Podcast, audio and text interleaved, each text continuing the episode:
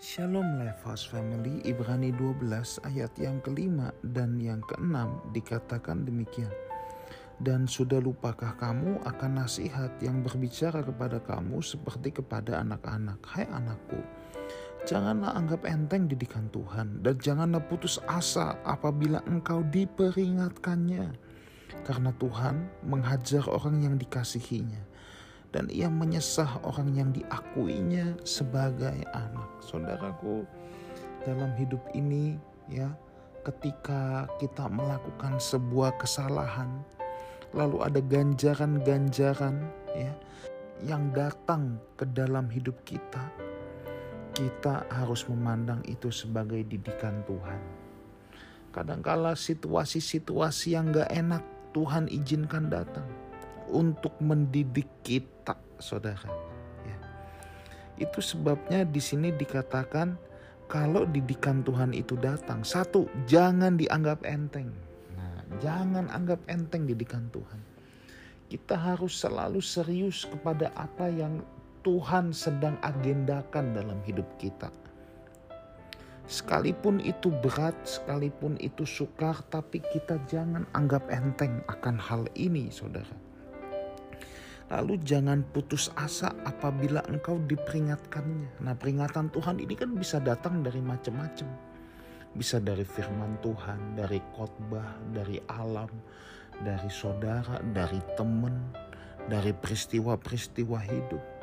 Tapi yang jelas kita harus tahu kalau Tuhan memberikan peringatan dan kita jangan putus asa. Orang yang putus asa kalau menjalani didikan dan peringatan akan berkata, ah saya kepahitan deh sama Tuhan. Tuhan mah nggak ada kasih loh. Itu ciri-ciri orang yang putus asa. Jadi dia malah menyalahkan Tuhan dan menjadi kepahitan sama Tuhan.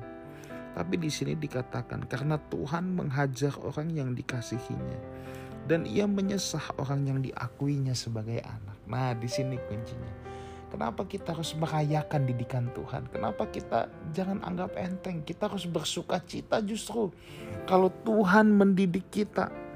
Ya, kalau kita diperingatkan, kita dihajar dan ditegur oleh Tuhan, kita harus merayakan. Kenapa? Itu bukti bahwa kita dikasihinya. Itu bukti bahwa kita diakuinya sebagai anak.